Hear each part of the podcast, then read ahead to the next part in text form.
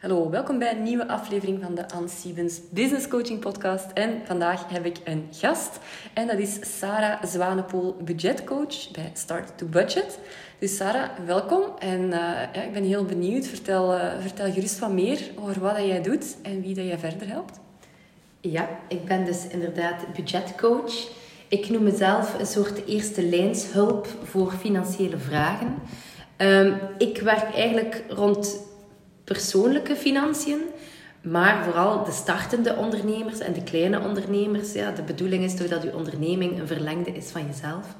En daardoor, door eigenlijk rond money mindset te werken en rond de persoonlijke financiën onder de loep te nemen, nemen we ook een deel de financiën mee in de onderneming. Mm, klinkt interessant. Hoe ben je daartoe gekomen? Wat is uw eigen professionele achtergrond? Wel, dat zijn eigenlijk twee verschillende vragen. Mijn eigen professionele achtergrond, ik, heb, uh, ik kom uit de filmwereld. De laatste vijf jaar heb ik daar, uh, ben ik daar producer geweest. Dus ik ben altijd wel met budgetten bezig geweest. Maar dat is toch op een heel ander niveau. Um, en hoe dat ik ertoe gekomen ben, ik was op zoek naar een job die, meer, die dichter bij mezelf paste. Die meer tijd en locatie onafhankelijk was. En dan ben ik beginnen denken, waar ben ik goed in? En indirect waren een beetje de mensen in mijn buurt en mijn vrienden mijn inspiratie.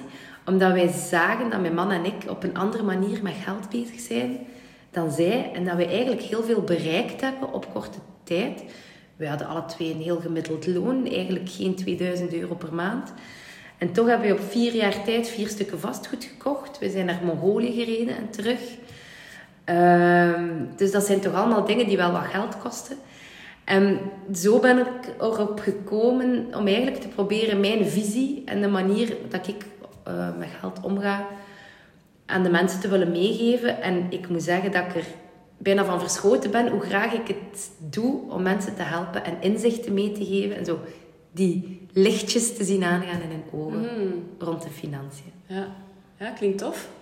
Um, ja, inderdaad, je, ver, je vermeldde het al, vooral ook die startende ondernemers, die krijgen ook heel vaak de vraag, uh, bijvoorbeeld van mensen die momenteel hun eigen zaak in bijberoep doen, uh, dan willen ze heel graag weten, ja, wanneer ben ik er klaar voor om in hoofdberoep te gaan? Wanneer kan ik mijn, mijn job in loondienst opzeggen? Hoeveel buffer moet ik dan hebben? Um, hoeveel omzet ga ik moeten halen om ervan te kunnen leven? En dus uh, daar zit heel veel onzekerheid bij mensen en die maakt dan ook dat ze maar moeilijk die stap durven zetten om echt volledig uh, voor, hun, uh, voor hun zaak te, te, durven gaan. Heb je daar bepaalde tips voor, bepaalde inzichten? Ja. Um, ik vertel mensen eigenlijk vaak dat ze best zo lang mogelijk wachten met zelfstandige te worden. Omdat, ik, voor mij is er een verschil tussen een ondernemer zijn, en dat kan als freelancer, als, als interimer, of het zelfstandige statuut hebben. Um, via coöperaties zoals Smart kun je ook als freelancer werken. Maar als je nog recht hebt op een beetje werkloosheidsuitkering, heb je daar wel nog altijd recht op. Uh, je moet geen kwartaalbelastingen betalen. Je geeft wel 6% af. Maar zeker als beginnende, en laten we nu zeggen van niet-ondernemer naar, naar een bijberoeper bijvoorbeeld, of deeltijd zelfstandige, zou ik zoiets aanraden. Um, Soms kan het juist wel interessant zijn om meteen dat bijberoep in te gaan, omdat je juist veel kosten hebt die je kunt inbrengen. Bijvoorbeeld in de filmwereld, als je location manager bent, kun je alles wat je koopt inbrengen in je zaak. Super interessant. Dan is het interessant om zelfstandig te zijn. Maar als het enige is dat jij, wat dat je hebt, je computerke, en je doet amper zelfs verplaatsingen, dan is het niet per se interessanter om zelfstandig te worden. Nu, als je bijberoeper bent en je wilt zelfstandige in hoofdberoep uh, worden, dan zou ik toch een buffer aanleggen. Dat hangt er opnieuw wel een beetje vanaf van je situatie en bijvoorbeeld hoe lang dat je bezig bent. Ik was nog geen budgetcoach en er zijn heel weinig budgetcoaches. Dus ik moet vanaf nul beginnen. Dus mijn aanlooptijd is of was zeer lang. Als ik nu zelfstandig producer wou worden, dan had ik dat van vandaag op morgen kunnen doen, want ik heb al mijn contacten en ik heb daar een goede dagprijs. Um, als je zelfstandige wilt worden, dan zou ik minstens eigenlijk, als we dan toch cijfers willen horen, uh, drie maanden loon opzij zetten. Mm Want stel nu dat je in januari een opdracht doet, dan kun je in februari die factuur sturen en dan gaat die persoon die misschien in maart Mm. betalen. Dus je moet sowieso dat, dat wel hebben. Plus dan heb je nog alle kosten die je nodig hebt om je onderneming te starten, om zelfstandige te worden, zeker als je van nul start. En dan heb je ook het budget nodig om eventueel de dingen aan te kopen die je moet kopen. Dus je hebt eigenlijk wel al wat budget nodig om zelfstandige eh, te zijn. Als je van bijberoeper naar hoofdberoeper wilt gaan, dan vind ik dat je eigenlijk bijna moet kunnen leven van je bijberoep om zelfstandig te zijn. Want waarom gaat je anders die stap maken? Als het is omdat je er te veel uren in steekt, dan moet je misschien een keer kijken naar waarom dat je zoveel uren erin steekt voor die prijs. Het is echt dat de rekening moet kloppen, dus het is dat bedrag dat, eh, dat moet, moet kloppen. En dan komt je financieel plan erbij. Hopelijk, normaal gezien, hebben we allemaal ons financieel plan gemaakt om, eh, om zelfstandige te zijn. Bijvoorbeeld voor mij, ik heb berekend dat ik 4000 euro moet omzet draaien om mezelf 1800 euro aan loon te kunnen uitbetalen, omdat ik eigenlijk vrij weinig kosten heb. Ehm, maar 4000 euro, daar moet ik al heel hard voor werken, terwijl ik 1800 euro in de maand eigenlijk te weinig vind voor mezelf. Ehm, en ook omzet zegt niet geweldig veel. Want ik zeg nu voor mezelf, een dienstverlener die vooral online werkt, 4000 euro. Maar ja, als je zonnepanelen of Ferraris wilt verkopen, dan gaat je omzet veel groter zijn. Of als je met personeel in dienst wilt werken, ja, dan heb je al zoveel vaste kosten dat je omzet veel hoger moet zijn. Ehm, maar daarom is uw winst Ja. niet zo hoog. Ja, inderdaad. Een, een, een aantal elementen dat ik daar hoor. Hè. Eh, ten eerste, denk goed na welke kosten dat je moet maken om van start te kunnen gaan. Wat heb je nodig? Nu, dat is iets waarvan ik denk dat mensen nog wel eh, de oefening kunnen doen om eh, daar een vrij goed beeld van te krijgen. Hoewel, ze gaan waarschijnlijk toch tegen dingen aanlopen waaraan dat ze niet gedacht hadden. Maar bon, je kunt wel op voorhand kijken van oké, welke software heb ik nodig, hoeveel kost dat, welke hardware heb ik nodig. Ehm, en ja, mijn luisteraars zijn voornamelijk eh, dienstverleners, hè, dus daar komt dan eh, nog niks bij van voorraad of een winkelruimte of al die dingen meer. Maar die kostenkant, oké, ik denk dat daar de meeste mensen wel een beetje een beeld van hebben. De omzetkant natuurlijk is veel moeilijker in te schatten. En zeker, zoals je zegt, als startende ondernemer. Ehm, en zeker als je begint in een, een sector die, ja, waar dat je ervoor niet in werkzaam bent, waar dat je nog geen netwerk in hebt opgebouwd, dan is het heel moeilijk om te weten op voorhand hoeveel ga ik verdienen, of hoeveel ga ik omzetten elke maand. En ook zeker als starter, je hebt ook nog niet de data die u toelaat om dat te kunnen projecteren. Je kunt wel zeggen, oh, ik ga een webinar geven, maar ja, hoeveel mensen gaan er dan instappen? Heb je al 50 webinars gegeven, dan weet je wel, oké, met 100 deelnemers dagen er zoveel mensen op en kopen er zoveel. Dan heb je daar iets van controle over. Maar aan het begin, je kunt wel denken, oh, ik zie hier mensen webinars doen en 100.000 euro in één keer eh, binnentrekken. Eh, maar ik denk niet dat dat het geval gaat zijn als je pas van start gaat. Dus ja, hoeveel gaat dat voor u zijn? Is een beetje koffiedik kijken. Ehm, dus die kostenkant is één ding, die omzetkant, zeker aan het begin heel ehm, moeilijk in te schatten nog. En wat je dan zegt, de buffer inbouwen. Inderdaad, drie maanden buffer om rekening te houden met het feit dat het ook heel erg schommelt in het begin.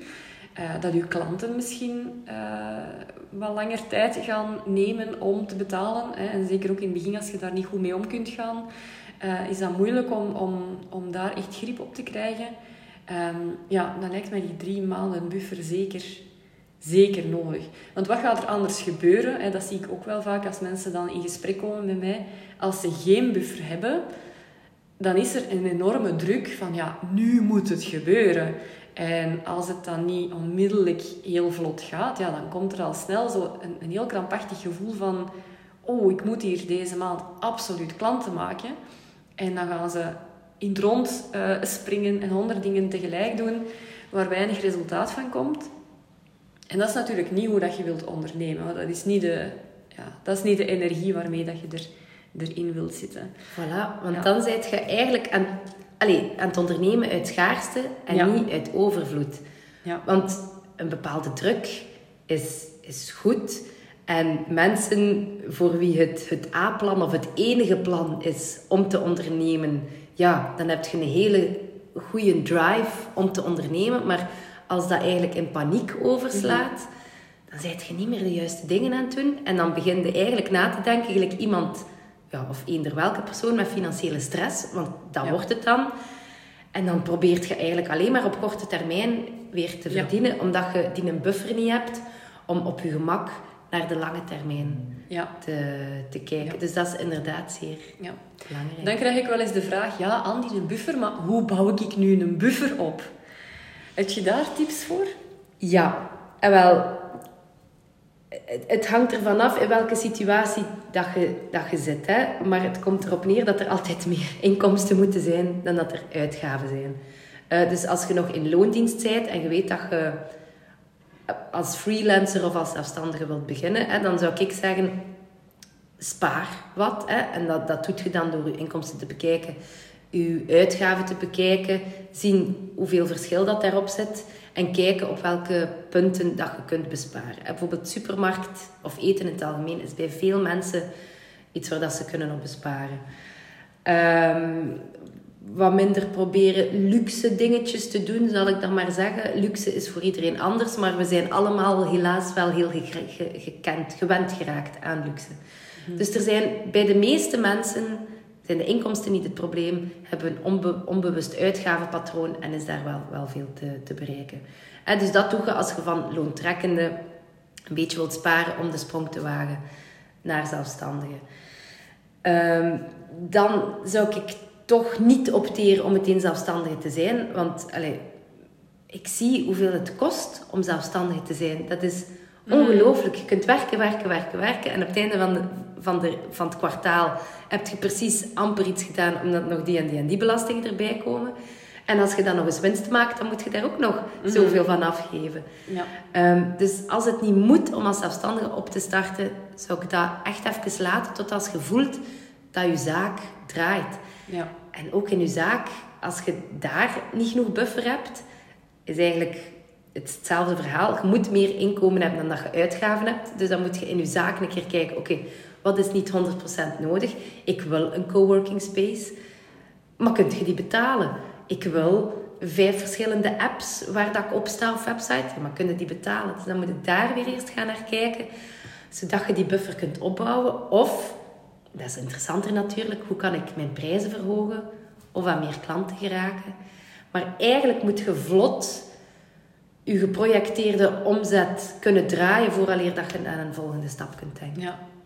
Ja, inderdaad. Hè, dat, is, dat is inderdaad een goede vraag om jezelf te stellen als ondernemer op het moment dat je van bijberoep naar hoofdberoep wilt gaan. Van, waarom wilt je dat en waarom denk je dat het het juiste moment is? En inderdaad, hè, dan, dan krijg ik vaak van ja, ik heb niet genoeg tijd om aan mijn bijberoep te werken en daarom draait het niet goed. Uh, maar ja, dan is natuurlijk de vraag, is tijd inderdaad het probleem? Hè? Of ben je gewoon de verkeerde dingen aan het doen en dan kun je daar nog vijf keer meer van doen? Dan gaat je niet uh, vijf keer meer omzet uh, opleveren. Dus dat is, dat is vaak al een goede vraag om jezelf te stellen. Um, en twee, inderdaad, hè, kun je, kun je de, het loon van, van je hoofdberoep kun je het missen op momenten dat, dat het in je, je zelfstandige activiteit nog niet 100% goed draait. En inderdaad, ook een hele goede tip om uh, rekening te houden met alle kosten dat erbij komen. Ik moet zeggen, toen ik van loon... Uh, ik was al zelfstandige, maar ik had wel een, een goede overeenkomst um, met de firma waar ik werkte. Dus ik, ik had bijvoorbeeld ja, mijn laptop... Um, werd geregeld door de firma. Ik betaalde er uiteraard een bijdrage voor um, auto. Uh, op het moment dat ik die zelf moest gaan, gaan leasen, of dat ik de beslissing moest nemen om de lease verder te zetten, ja of nee, hè, uh, ja, dan krijg je de echte factuur onder ogen. en um, ja, dan, uh, dan, dan, dan verschiet je wel even hè, als je ziet wat, dat er allemaal, wat dat er allemaal te betalen valt. Dus dat is echt belangrijk om dat niet uit het oog te verliezen en om daar ook een, gewoon een realistisch beeld van te durven hebben. Uh, je moogt met enige naïviteit beginnen ondernemen, hè, maar durf de, de, de dingen ook wel onder ogen te zien um, zoals ze zijn. En wat ik, wat ik ook altijd verbazend vind, is dat mensen zeggen... dat ze op het einde van het kwartaal dat ze niet genoeg geld hebben om de BTW te betalen. Dan denk ik altijd, oh my god, je geeft je een BTW uit alsof dat het geld van jezelf is. Terwijl dat is niet. BTW moet, BTW moet je afdragen aan, uh, aan de staat. En dan kom je natuurlijk voor zeer onaangename verrassingen als uh, de betalingsopdracht van je boekhouder op de mat valt en je hebt dat geld gewoon niet meer. Je hebt het al uitgegeven. En dat zijn allemaal dingen die gebeuren als je je kop een beetje in het zand steekt en niet de moeite doet als ondernemer om bijvoorbeeld met een budgetcoach aan de slag te gaan of met je boekhouder deftig samen te zitten, zodat je echt helder hebt van wat moet ik betalen op het eind van de maand, op het eind van het kwartaal, op het eind van het jaar aan belastingen. Want zoals dat je zegt, als je zegt ja, uh, ik heb berekend voor 1500 euro loon moet ik 4000 euro omzet behalen.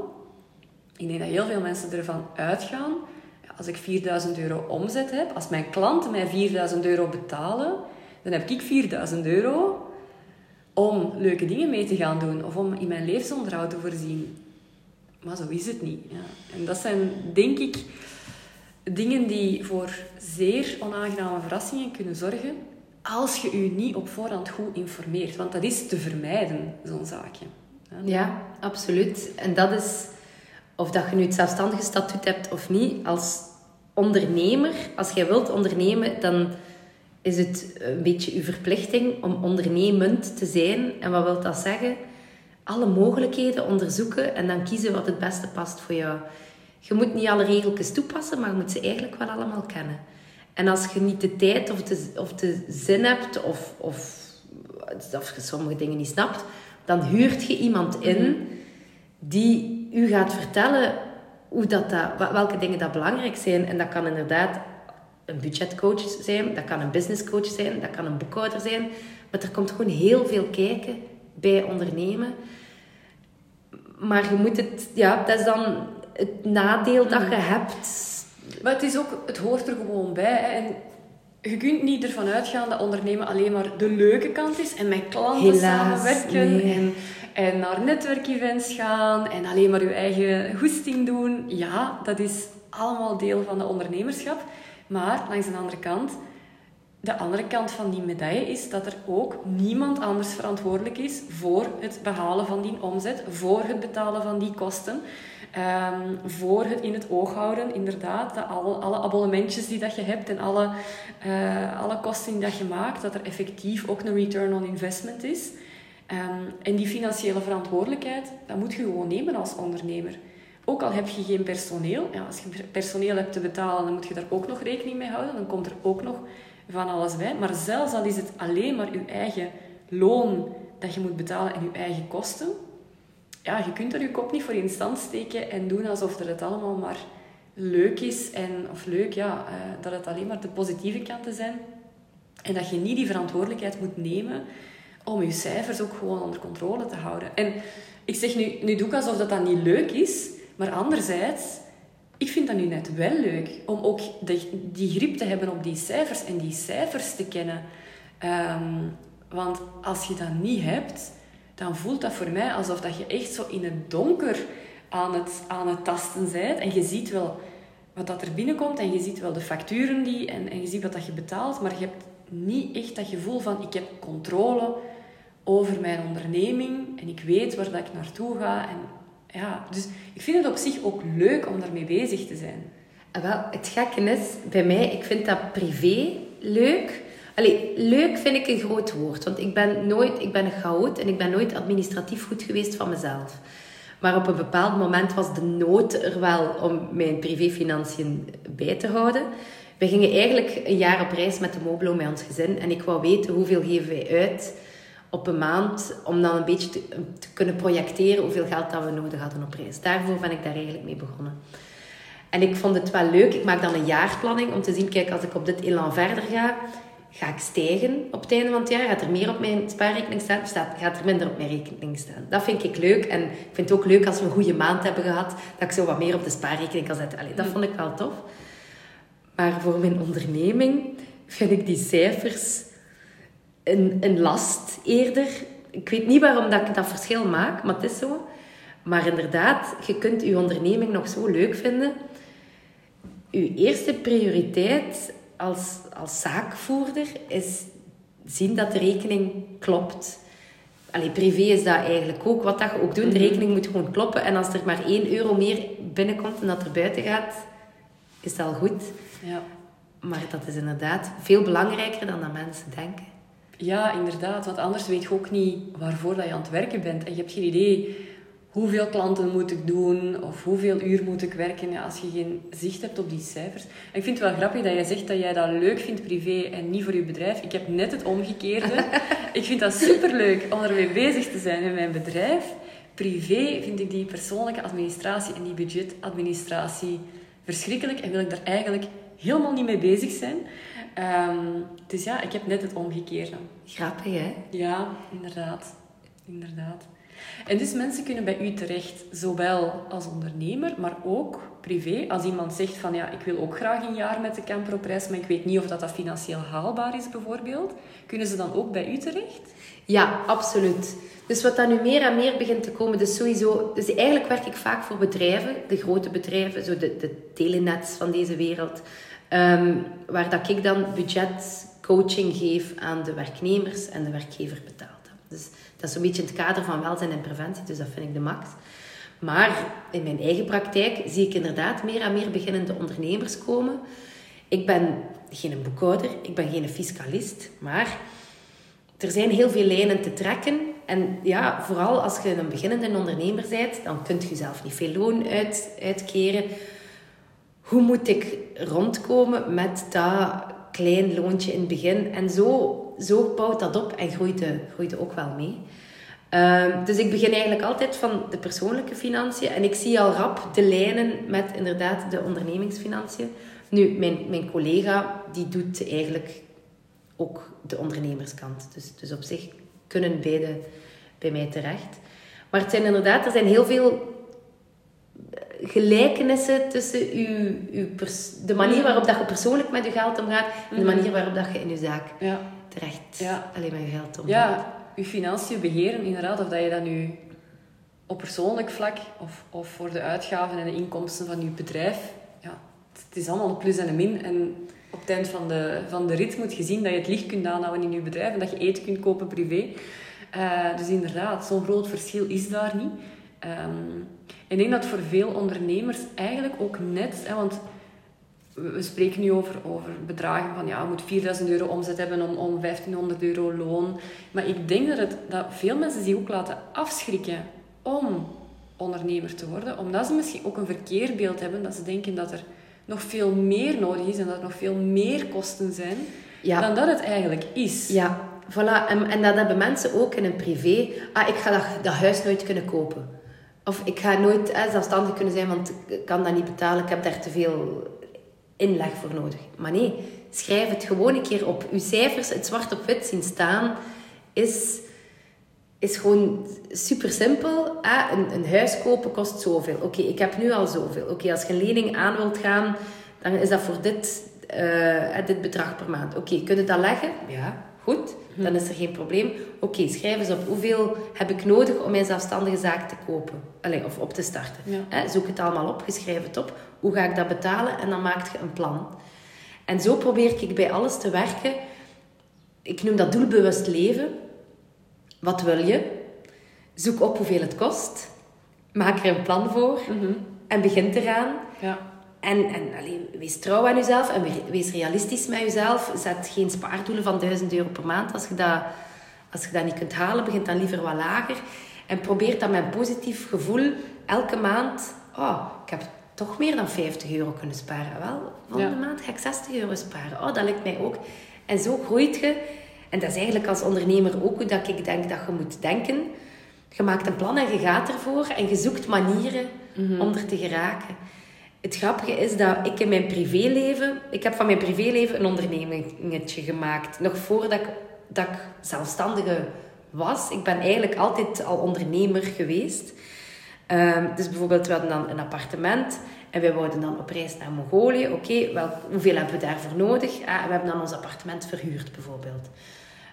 Um, ik heb een garage gekocht met geld dat ik van mijn oma, allee, alle kleinkinderen hebben een beetje geld gekregen van oma, dank u oma. Eh, maar ik, ben de enige die daar een plan voor gemaakt heeft. Bij al de rest is het op Opgegaan, of, of half ja. op. Want Ja. het is heel gemakkelijk om geld op, op te doen dat gaat staan. Eh, garage meegekocht. Ah, maar die garage heeft bijvoorbeeld eigenlijk minder opgebracht dan dat ik had gedacht. Dus ik heb daar wel iets van geleerd, maar ik heb dat met meerwaarde kunnen verkopen. Het was altijd al mijn plan om van die garage meerwaarde te maken, dan de eigen inbreng te hebben voor het, het echte huis, het grote huis. En dus zo heb ik eigenlijk plannetjes gemaakt, privé, als ondernemer. En, en dat vond ik er leuk aan. En vooral ook, en dat is een tip die ik wil geven, ehm, als je zelfstandige bent, of zelfs met je smart, probeer zoveel mogelijk kosten te maken op de zaak, zodat je je zo weinig, weinig mogelijk moet uitbetalen als zelfstandige. Want je hebt daar bijvoorbeeld voor ons, voor mijn man, is 1800 euro ongeveer wat dat hij zichzelf wil uitbetalen. Want als hij zich meer wil uitbetalen, worden dat exponentieel meer, meer belastingen. Maar het geld dat je privé hebt, probeer dat te investeren. Want onze ehm, belastingen op arbeid zijn heel hoog in België. Maar onze belastingen op vermogen zijn zeer laag. Ja. Dus bijvoorbeeld, ik heb privé al dat vastgoed gekocht. Een huis verhuren dat niet gemeubeld is, is onbelast in België. Dus ik heb nu iemand die op dit moment mijn, hu- mijn, mijn ehm, hypotheek voor mij afbetaalt. En ik heb sowieso al meerwaarde op mijn pand als ik het morgen verkoop. En dat zijn manieren om Ja, het meeste eruit te Ja. halen. inderdaad. En je kunt altijd hè, optimaliseren. En als voormalig fiscalist moet ik toch even meegeven in de podcast. Zoveel mogelijk kosten op de zaak. Natuurlijk, kosten zijn alleen maar aftrekbaar. Hè, als we inderdaad uw professioneel Ja, doel ja, ja, ja. Als je, als je, ja, ja. Ja, moet wel... soms, soms ja. hoor ik zo mensen eh, dingen zeggen van oh, je gaat eh, op vakantie eh, op de zaak, hè, op de zaak. Hè. Bon, Nee. Er zijn, er zijn eh, wettelijke bezwaren ook, maar inderdaad, hè, wat dat je op de zaak ehm, kan kopen, ehm, is aftrekbaar binnen de, de wettelijke bepalingen. En je hoeft jezelf ook, inderdaad, hè, het hoeft je ambitie niet te zijn om je een zo hoog mogelijk loon uit te ke- keren. Want dan verlies je natuurlijk de optimalisatie van een vennootschap te hebben, want dan gaat je belasting betalen op, in de personenbelasting op dat loon. Wat dat inderdaad, zoals dat je zegt, ehm, in België een, een hoog percentage is. Dus, dus dat is zeker ook als ondernemer belangrijk dat je daar toch wel zicht op hebt, inderdaad, van wat is er ook nog mogelijk qua optimalisatie. En als je daar zelf geen kennis over hebt, met de juiste mensen daarover te gaan spreken. Nu, over dat puntje van die belasting wil ik toch ook nog even iets zeggen, want ik hoor dan vaak mensen zeggen van ja, het is allemaal de moeite niet, want je betaalt toch alles aan de belastingen. En dat is natuurlijk ook super jammer. Hè? Ja, inderdaad, in België is de, belasting, ehm, eh, de belastingdruk hoog. Eh kun je over discussiëren of dat je daar genoeg voor terugkrijgt of niet. Oké, fijn. Maar het is wat het is. En oké, prima. Je betaalt een stuk aan de belasting. Maar als je zegt, ja, ik, ik ga er zelfs niet aan beginnen, want ik ga toch alles moeten afgeven aan de belasting. Ja, dan heb je nul. Ja. Dan heb je niks. En dat vind ik dan ook zo jammer. Dat mensen denken van, oh nee. ehm, of, of waar ik me ook altijd eh, vragen bij stel, is dat mensen zeggen, ja, ik ga zorgen dat ik eh, niet boven de grens van, wat is het, ik denk 25.000 euro omzet per jaar, hè, dat ik daar niet boven kom, want dan ben ik btw-plichtig. Dus ik ga moeite doen. Ik heb zelfs iemand gehad, die was klant bij mij. Ja, maar ik ga dat nu niet lanceren, zei ze, want ja, dan zit ik boven die grens. En ik zeg, maar allez, je gaat jezelf toch niet klein houden en moeite doen om toch maar niet te veel te verdienen, want dan gaat de btw-plichtig worden. Nee, neem dat gewoon mee in rekening. Pas uw prijzen aan, zodat je daar rekening mee houdt. Dat, dat zou ik trouwens iedereen eh, aanraden. Hè. Ook al zit je onder die grens van 25.000 euro. Vraag prijzen alsof dat je wel btw-plichtig bent, zodat je niet op een gegeven moment Ja. je klanten moet confronteren met een, een, een verhoging van 21%. Maar laat u niet tegenhouden door belastingen of door btw om, om door te groeien als ondernemer. Ja, of om iets te ondernemen. Ik had eh, vorige week iemand in mijn praktijk en die... Maar ze, ik, ze heeft haar eigen logica doorprikt daarna. Ze wou niet sparen voor haar kinderen, voor later. Want ja, die moesten toch de helft afgeven aan de staat als ze doodgaat. Ja, maar ik zei, maar dan heb je de keuze om als je 100.000 euro hebt gespaard en je moet er 50 van afgeven, om ze 50.000 euro te geven. Of om ze 0 euro te geven. Wat geven ze dan liefst? Ja. Maar mensen zitten zo soms in een logica's. Ja. Of, Ja. of in wat gezegd wordt of in de mainstream media. Of wat gezegd wordt rond de keukentafel. Ja. Heb je het alles vanuit een andere hoek bekeken? Heb je het alles opgeschreven? Heb je de rekening alles gemaakt? Ja, en dat is inderdaad heel belangrijk. De omgeving waarin dat je zit, zijn er allemaal mensen die zeggen... Oh, hè, begint er niet aan, want je gaat alles afgeven aan de belastingen. Ja, kans is groot dat je dan inderdaad in die mindset blijft, blijft zitten. Terwijl, doe je eigen research, praat met mensen die, die anders denken... En blijf niet vasthangen in, in overtuigingen die je uiteindelijk niet helpen. Dat vind ik tof aan. hè. We hebben elkaar in online groepen leren kennen, denk ik. Eigenlijk zo de Mhm, alpha-vrouwen. En dat vind ik daar tof aan, want in mijn omgeving, mijn, mijn man is ook ondernemer, maar voor de rest, buiten ons gezin, kennen wij eigenlijk niemand met wie dat je zo'n interessante gesprekken kunt aangaan. En zeker als je... Allee, ik kom in contact met ondernemers, of vooral jonge ondernemers, waar dat je van denkt, och heren, maar niet moeilijk dat het niet lukt. Uw ouders hebben nu zo'n dingen ingeprent, dat gaat nog 30 jaar duren, bij wijze van spreken, dat je die Ja. uit je systeem hebt gehaald. Ja. Dus je omringen met mensen die, ja, die denken de manier waarop dat, dat je vooruit geraakt, daar moet je inderdaad Klopt. proberen in contact te komen. Want het zijn zij die je geest ook gaan verruimen. Ja. En mama en papa zijn niet altijd de beste, het beste klankbord voor zo'n dingen. Nee, nee, nee. En, en, en ook heel veel mensen hebben zoiets van... Een job hebben, dat is zekerheid. Terwijl ze kunnen nu ook van vandaag op morgen op straat zetten. Hè. Ik ben zo blij dat je het zegt. Ik ben zo blij dat je het zegt. Daar is eigenlijk helemaal niet zeker aan. Want zij kunnen het inderdaad ook Ja. opzeggen. Ja. Klopt, klopt. Maar inderdaad, en, en ik herken dat. Ik heb ook eh, geen ondernemende familie. Eh, en ik had zelf ook altijd het idee, als je zelfstandig bent...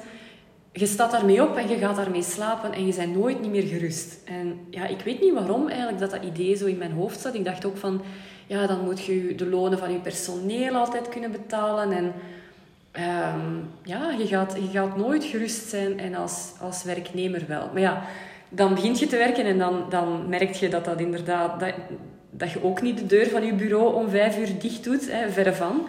Ehm, voor sommige mensen zal dat wel zo zijn, maar dat, hangt ook een beetje van je eigen karakter af, hoe goed dat je dat kunt uitschakelen op een gegeven moment. Maar als ondernemer is dat net hetzelfde. Daar heb je ook... ja, dat is niet zo dat je heel de dag wakker ligt van allerlei kopzorgen. Dat valt veel beter mee Ja. als dat ik dat tien jaar geleden zou hebben kunnen denken. Ehm, dus dat is inderdaad, ey, dat is waar wat je zegt van, van een keer te praten ook met, met andere mensen, met andere ervaringen dan die waar dat je typisch mee praat. En, eh, ja, en dat opent ook je, je wereld. Hè? ja. Klopt. Eh, nu ben ik eigenlijk wel benieuwd, hoe heb je zelf zo het opstarten van je bedrijf ervaren? Eh, dat ging veel moeilijker dan dat ik gedacht had. Omdat, ehm, zowel technisch als inhoudelijk. Gelukkig heb ik voor dat technische mijn man wel. Ehm, maar ja, ik dacht budgetcoach. Iedereen zit te wachten op een budgetcoach. Ook aan iedereen die dat ik mijn idee pitchte. Oh, maar dat is een keigoed idee. Oh, ik wou dat ik u eerder was tegengekomen. Oké, goed. Hallo wereld, hier ben ik. Ik ben budgetcoach. Er gebeurt niks. Ik heb een ontzettend lange aanlooptijd nodig gehad. Omdat, ja, maar ik, was, ik, ben naïef van nature. Ik vind dat eigenlijk helemaal niet zo erg. Ik ben daar ook ja, naïvelings ingesprongen. Kom, kan ik je budgetcoach zijn? En ik bedoel, ik heb de, de, kennis natuurlijk wel. Of dat vind ik toch zelf. Ehm, maar eigenlijk wat ik deed was marktpenetratie. Dat was een nieuw iets aanbieden op de markt. Er zijn uiteraard al een paar budgetcoaches, maar acht op de tien mensen heeft nog nooit van een budgetcoach gehoord en weet ook niet wat dat ze doen. Dus wij zijn allemaal maar aan het, aan het voeten en aan het proberen. En, en dus dat, was, dat ging wel heel, heel veel trager dan dat ik Ja. dacht en, en soms nog altijd. En ik, ik weet dat het er zit aan te komen. Ik, ik voel dat er een momentum gaat zijn omdat je gewoon, allee, het, het thema leeft onder de mensen. Hè. De, de wereld is duurder geworden. Veel mensen kunnen niet meer sparen die dan vroeger misschien wel een beetje konden sparen. De enige vraag is, wanneer is het moment en kan ik het nog rekken Ja. tot dan? Of wat kan ik doen in tussentijd om ervoor te zorgen dat mijn onderneming nog altijd kan Ja. blijven bestaan? En het is, ik herken ook wat je zegt, hè, van, je ziet dat mensen een budgetcoach nodig hebben. Hè. Ja. Je zegt van, voilà, hier ben ik. En dan, ha, eh, dan, dan nemen ze die stap niet. En ik herken dat. Ik, ik zie dan bijvoorbeeld in al die ondernemersgroepen... eh, zoveel ondernemers die hun zaak ook niet van grond krijgen. En hè, dan vragen ze zo, heeft er iemand de gouden tip voor mij? Alsof dat je met één tip een, een, een zaak transformeert. Hè. Zo, zo werkt dat niet.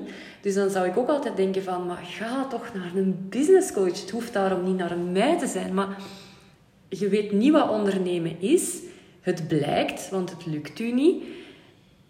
Ga dan naar iemand die dat u daarmee kan helpen. Maar toch blijven mensen denken, ja nee, ik kan dat wel zelf. Of ja, ik ga wel zelf blijven doen. En dus dat is echt inderdaad, ik ben ook met, zoals omgaan met budgetten, omgaan met uw onderneming. Dus ook die mindset van wie huur ik in of, of, of ehm, durven investeren in iemand die u kan helpen. Ja. Want ja, oké, iemand die uw budget helpt te beheren, dat is een investering. En dan denken de mensen, maar ik heb al zo weinig geld, ik ga dat toch niet Ja. doen. Maar wat brengt het u op? Hè? De jaren die komen, wat levert het u op als je nu die investering maakt? Hetzelfde eigenlijk met een business coach. Ja, het kost u nu geld om dat traject te doen, maar dat niet doen en nog jaren uw omzet niet realiseren, kost u ook veel geld. Dus ja, ik snap de frustratie. Soms je ziet dat mensen hulp nodig hebben. Je weet dat je hen die hulp kunt geven. En toch is het voor veel mensen moeilijk om die beslissing te nemen om inderdaad ja, daarin te investeren. Ja, ik heb zelf, eh, ik zat zelf in die situatie en je verdient amper iets. Mijn eerste, ik wou eigenlijk eerst zoveel mogelijk uit mijn, uit mijn zaak halen. Zoveel mogelijk, of zo rap mogelijk beginnen met mijzelf loon uitbetalen. Maar ik heb dat eigenlijk nogal rap dan achterwege gelaten. Want van zodra dat ik een beetje geld had, bijvoorbeeld die social media, ik vind het afschuwelijk. Ik wil het niet, ik kan het niet. Ik, bleh. Dus ik heb uiteindelijk eh, de keuze gemaakt om iemand mijn social media voor mij te laten doen. Ook gewoon omdat ik zag hoe lang dat ik daarmee bezig was. En hoeveel uren dat ik niet in mijn zaak aan het steken was met die stomme social media. En als ik... eh, ik vraag tussen de 60 en de 80 euro per uur. Ja, als ik iemand in kon huren voor die, datzelfde bedrag of minder, bijvoorbeeld 50 euro per uur, en die doet er maar één uur over om vijf posts voor mij te maken, terwijl ik daar drie uur mee bezig ben, ja, dan, dan was het het waard. En die persoon die mijn social media doet, werkt nog altijd voor mij. We hebben, we hebben ons plan of attack al zeven keer aangepast. En op dit moment staan mijn social media op een, op een lager pitje. Maar ik ben er nog altijd van overtuigd dat mijn aanwezigheid op, op social media gaat helpen als mensen in de toekomst mij gaan hè, vinden dat daar iets aanwezig is. Maar op dit moment heeft de investering van ik, die nu al een jaar iemand mijn social media laat doen, heeft dat nog niet opgebracht. Dus ik heb daar wat moeten in schuiven. Maar ik geloof erin dat op de lange termijn dat mij dat wel gaat opbrengen. Ja, en dat is ook het ding met ondernemen. Heel veel van de zaken die we nu doen, daar zien we nu niet het resultaat van. Ehm, mensen moeten nu, ja, voor sommigen gaat dat snel, maar anderen die volgen nu een half jaar, een jaar, anderhalf jaar, vooraleer dat zij die beslissing nemen van, ah ja, nu ga ik investeren. Dus ook heel veel ondernemers denken, ja, ik ga nu een webinar doen en daar gaan morgen vijf klanten uitkomen. En dat gebeurt dan niet. En dan je, oh, dat webinar, dat werkt niet. Iets anders. het al weg. Het is weg. Eh, weggegooid. Al het, wel, al het werk in de prullenbak. Ik ga iets anders doen. Terwijl die mensen die vandaag uw webinar volgen, oké, misschien zijn die vandaag niet bereid om al te investeren. Moeten die u nog wat volgen? Of is hun nood nog niet hoog genoeg? Dat kan ook. Maar binnen een half jaar misschien wel. En jij blijft top of mind, omdat je dat webinar hebt gegeven, omdat je op sociale media nog altijd zichtbaar bent. Dus op het moment dat ze willen investeren, komt jij weer naar boven. Ja, tenzij dat je dan volledig uit beeld verdwijnt natuurlijk, eh, dan gaan ze wel bij iemand anders. Maar zo is het vaak. Je doet iets en je ziet er pas op termijn effect van. En dat is ook eigenlijk een beetje met dat budget. Hè, van, ja, het is niet altijd een plus en een min op hetzelfde moment. Soms gaat je een investering doen, gaat je de plus pas later ontvangen. En heb je gewoon een strategie nodig om in tussentijd natuurlijk wel aan de slag te blijven en het licht te kunnen eh, aanhouden. Hè. Ja, Ehm, maar het is vaak een, eh, een, een, ehm, een spel op langere termijn ook. Ja. Ja, ondernemen doen we eigenlijk juist, allez, ten eerste uit een soort visie de meeste, en een missie de meeste van ons, maar dat is inderdaad ook een langetermijnsverhaal normaal gezien. Want de uren die ik hier nu al heb ingestoken, het is jammer dat ik morgen zeg, ah, ik heb geen klanten meer, ik stop ermee. Ja. Maar ik, ehm, ik vergelijk het ondernemerschap en effectief investeren, bijvoorbeeld hè, beleggen op de beurs, vergelijk ik inderdaad ook. Want stel nu dat je elke, elke maand erin slaagt om 25 euro te investeren. Zelfs al heb je misschien maar 30 euro meer over. Maar 25 euro iedere maand. In plaats van een keer 100 euro hier of een keer 100 euro daar. Als je een keer wat over hebt. Als je 65 gaat zijn, gaat je jezelf enorm dankbaar zijn dat je dat gedaan hebt. Ik heb in mijn... In mijn allez, de, de beperkte, denk ik, ervaring die ik als ondernemer heb elke dag er weer staan. Mhm. Elke dag, al is het maar uw mails doen. Of al is het maar één iemand contacteren om te zien of dat die potentieel wil samenwerken. Ook al is er al weken niks uitgekomen. Het is juist door daar elke dag te staan. En elke dag het werk te doen. Dat opeens vanuit alle mhm. onverwachte hoeken... Ja. Dat, ze, dat, dat het precies uit de lucht komt gevallen. Maar het komt niet uit de lucht gevallen. Want het is al het werk dat jij de maanden daarvoor hebt gedaan. Ja, en dat is altijd zo grappig. Als ik iemand in een kennismakingsgesprek uh, krijg en dan, ehm, dan kijk ik even in mijn mailingprogramma en dan zie ik soms van, oh ja, die, die leest al, al een jaar al mijn mails. Ah ja, interessant. Ehm, en dan krijg ik die in dat gesprek en dan zeg ik, oh ja, en, ik volg al zo lang uw podcast, maar voor mij was die persoon onbekend. Ja. Dus voor mij lijkt het alsof dat die uit de lucht komt vallen. Maar nee, want dan blijkt dat hij al een aantal webinars heeft gevolgd. Die leest mijn mails, die volgt mijn podcast. Dus die was mij al aan het volgen, maar ik wist het gewoon niet.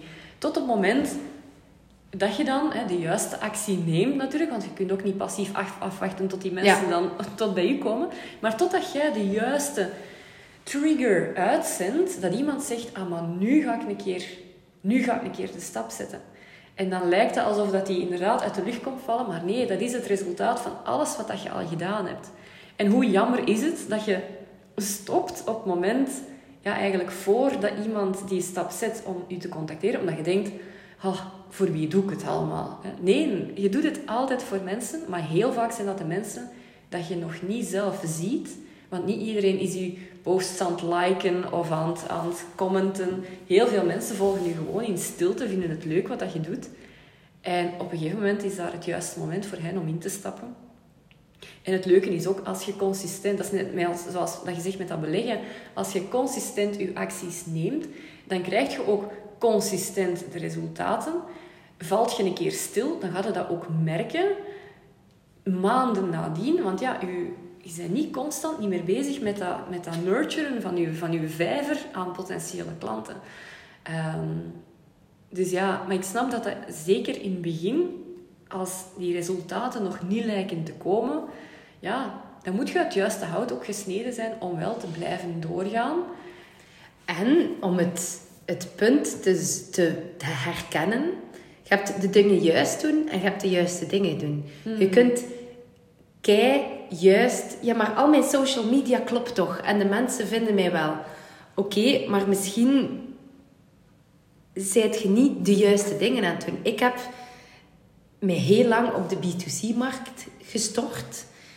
En daar kwam eigenlijk niks uit. En daar kwam eigenlijk, eigenlijk niks uit. En, en ik werd er zelf zeer ongelukkig van. En op een dag heb ik gezegd, voert, ik stop. Allee, ik stop niet helemaal, want mijn social media loopt nog een beetje door. En ik ben er voor de mensen die mij B2C willen. Maar mhm. ik ga me dan nu even B2B focussen. Ja. Gewoon omdat ik merkte dat ik ook ging stoppen. Dus ik heb gewoon het roer volledig omgedraaid. En je moet ook wel natuurlijk durven een beetje experimenteren. Ja. Als, als de resultaten te lang uh, uitblijven. Maar je moet ook niet na ene keer stoppen. Nee. Dus het is heel moeilijk om dat aan te voelen. Klopt, klopt. En ik zeg ook altijd, hè, focus, follow one course until successful. Maar natuurlijk, als je zelf totaal eigenlijk niet weet wat dat je aan het doen bent, is het moeilijk om te weten, komt er geen resultaat omdat ik de, de verkeerde dingen aan het doen ben? Of komt er geen resultaat omdat ik gewoon nog niet lang genoeg de juiste dingen aan het doen ben. En ja, daar spreek ik dan misschien voor mijn eigen winkel. Maar dan is het natuurlijk ook weer fijn dat je bijvoorbeeld een business coach hebt. Iemand die het al zelf gedaan heeft. Iemand die het al voor zoveel andere klanten gedaan heeft. Want ik kan eigenlijk heel snel zien bij iemand van... Ja, de manier waarop dat je het nu doet, het gaat nooit lukken, want het is gewoon niet de juiste manier. En dan kun je soms met heel kleine tweaks die persoon weer bijsturen. Maar ja, dat is zoals als dat je met een auto aan het rijden bent, maar je, je moet naar Hasselt, maar je bent richting Oostende aan het rijden. Ja, je kunt jij meer gas geven, je kunt jij blijven rijden, maar je gaat nooit in Hasselt aankomen, want je rijdt gewoon in de verkeerde richting. Ik vind, ik vind het grappig dat je dat zegt, want als ik iemand heb voor budgetcoaching, het eerste dat ik meestal heb ook een kennismakingsgesprek, dan geef ik huiswerk mee. Dat huiswerk is uw inkomsten en uw uitgaven opschrijven. Maar ik krijg dat binnen en ik kan eigenlijk ook al heel rap zien waar het aan Ja. ligt. Ja. En ja, je hebt gewoon, gelijk dat ik iemand voor mijn social media heb, we kunnen niet, eenmaal niet allemaal goed zijn in hetzelfde. En als je een klein beetje marge hebt om een investering te doen in jezelf, zou ik zeggen, doe ze, want je gaat je daar zoveel tijd mee besparen. Klopt. Maar ja, we spreken inderdaad alle twee voor onze eigen winkel. Ja, we zouden graag hebben dat iedereen budgetcoaching en, en business coaching gaat doen. En, eh, nee, maar klopt, inderdaad. Ja. Wat zijn uw plannen voor, eh, voor de toekomst? Mijn plannen. Ehm, ik ben een super ambitieus persoon, maar mijn ambities op dit moment reiken niet verder dan rondkomen met niet fulltime te moeten werken. Dat is even, want allee, het zijn heel heftige maanden geweest bij ons. Ehm, die reis, hè, die, die kunnen doorgaan om bepaalde redenen. Eh, twee kleine kindjes en dan een ziekte en dan blablabla. Dus gewoon even zo rust en dat het draait. Dat zou mij al heel blij maken. Als ik denk aan dromen, dat is iets anders. Ik zou heel graag, dus hè, putting it out in the universe, ik wil bij de mutualiteiten binnen geraken. En ik probeer al een jaar, en het lukt me niet, maar tabacologen worden ook terugbetaald. En tien jaar geleden lachten de mensen daar ook mee. Dus ik geloof dat budgetcoachen meerwaarde kunnen zijn voor mutualiteiten. Ehm, ik zou ook heel graag eens een boek schrijven of zo. Dat zijn zo... eh, Ja, leuk. voilà. Ja, en, en ik steun je daar volledig in, want je kunt mensen wel geld geven elke maand. En ja, dan blijft de kraan openstaan, maar je kunt hen ook leren om anders met dat geld om te gaan. Oh my god, Ja. echt waar. Ja, Ja. gaat in de markt. Ja, ik, ik vind dat ook.